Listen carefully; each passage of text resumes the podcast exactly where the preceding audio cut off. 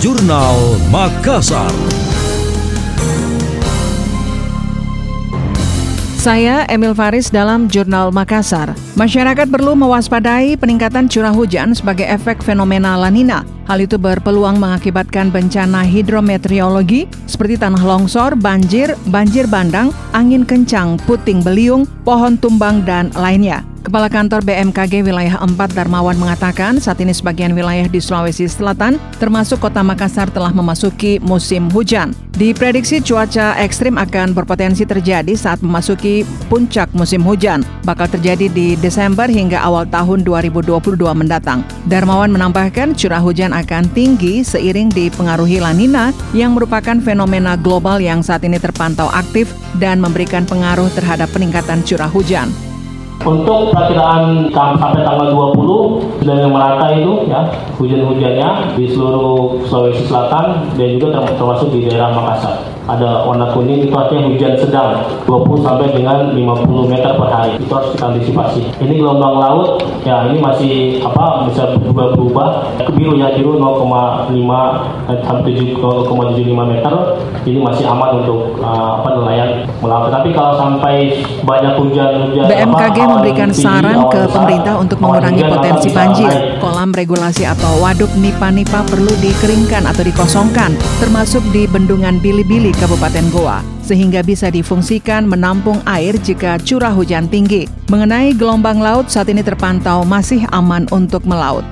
Anda masih mendengarkan Jurnal Makassar dari Radio Smart FM. PT Pertamina berupaya memastikan distribusi BBM dan LPG dapat sampai ke Luwu Timur dan Luwu Utara. Seperti diketahui, jalur Trans Sulawesi yang menghubungkan Palopo dengan Luwu lumpuh akibat putusnya jembatan Teluanua. Hal itu mengakibatkan jalan tersebut tidak bisa dilalui sejak 30 Oktober lalu. Kondisi tersebut mengakibatkan distribusi BBM terhambat. Akibatnya harga BBM melonjak tiga kali lipat dan menimbulkan antrian panjang di SPBU setempat. Guna mengatasi masalah itu, Pertamina mengerahkan 21 mobil tangki penyuplai BBM melalui jalur alternatif Lu-Lu Utara. Selama perjalanan, mobil tangki BBM Pertamina dikawal ketat pihak kepolisian. Marzuki, salah seorang warga Lu Timur, mengaku kini kondisi berangsur pulih. Ia mengatakan saat ini membeli BBM tidak perlu antri seperti sebelumnya. Saya sebagai warga Lu Timur, Alhamdulillah BBM sekarang kalau saya lihat mulai dari kemarin ini Alhamdulillah sudah lancar-lancar. Kemarin pengaruhnya karena jalan yang rusak. Kami sebagai warga Lu Timur bersyukur, berasa berterima kasih kepada SPBU karena alhamdulillah hari ini sudah mulai lancar-lancar. Betul.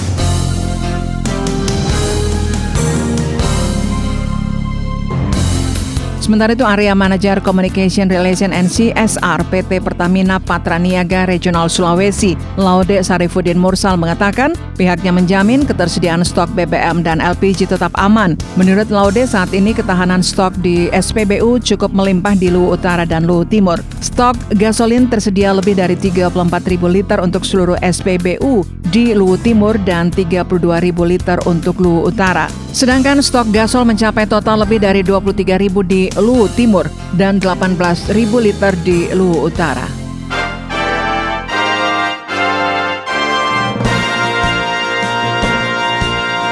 Demikian tadi, Jurnal Makassar.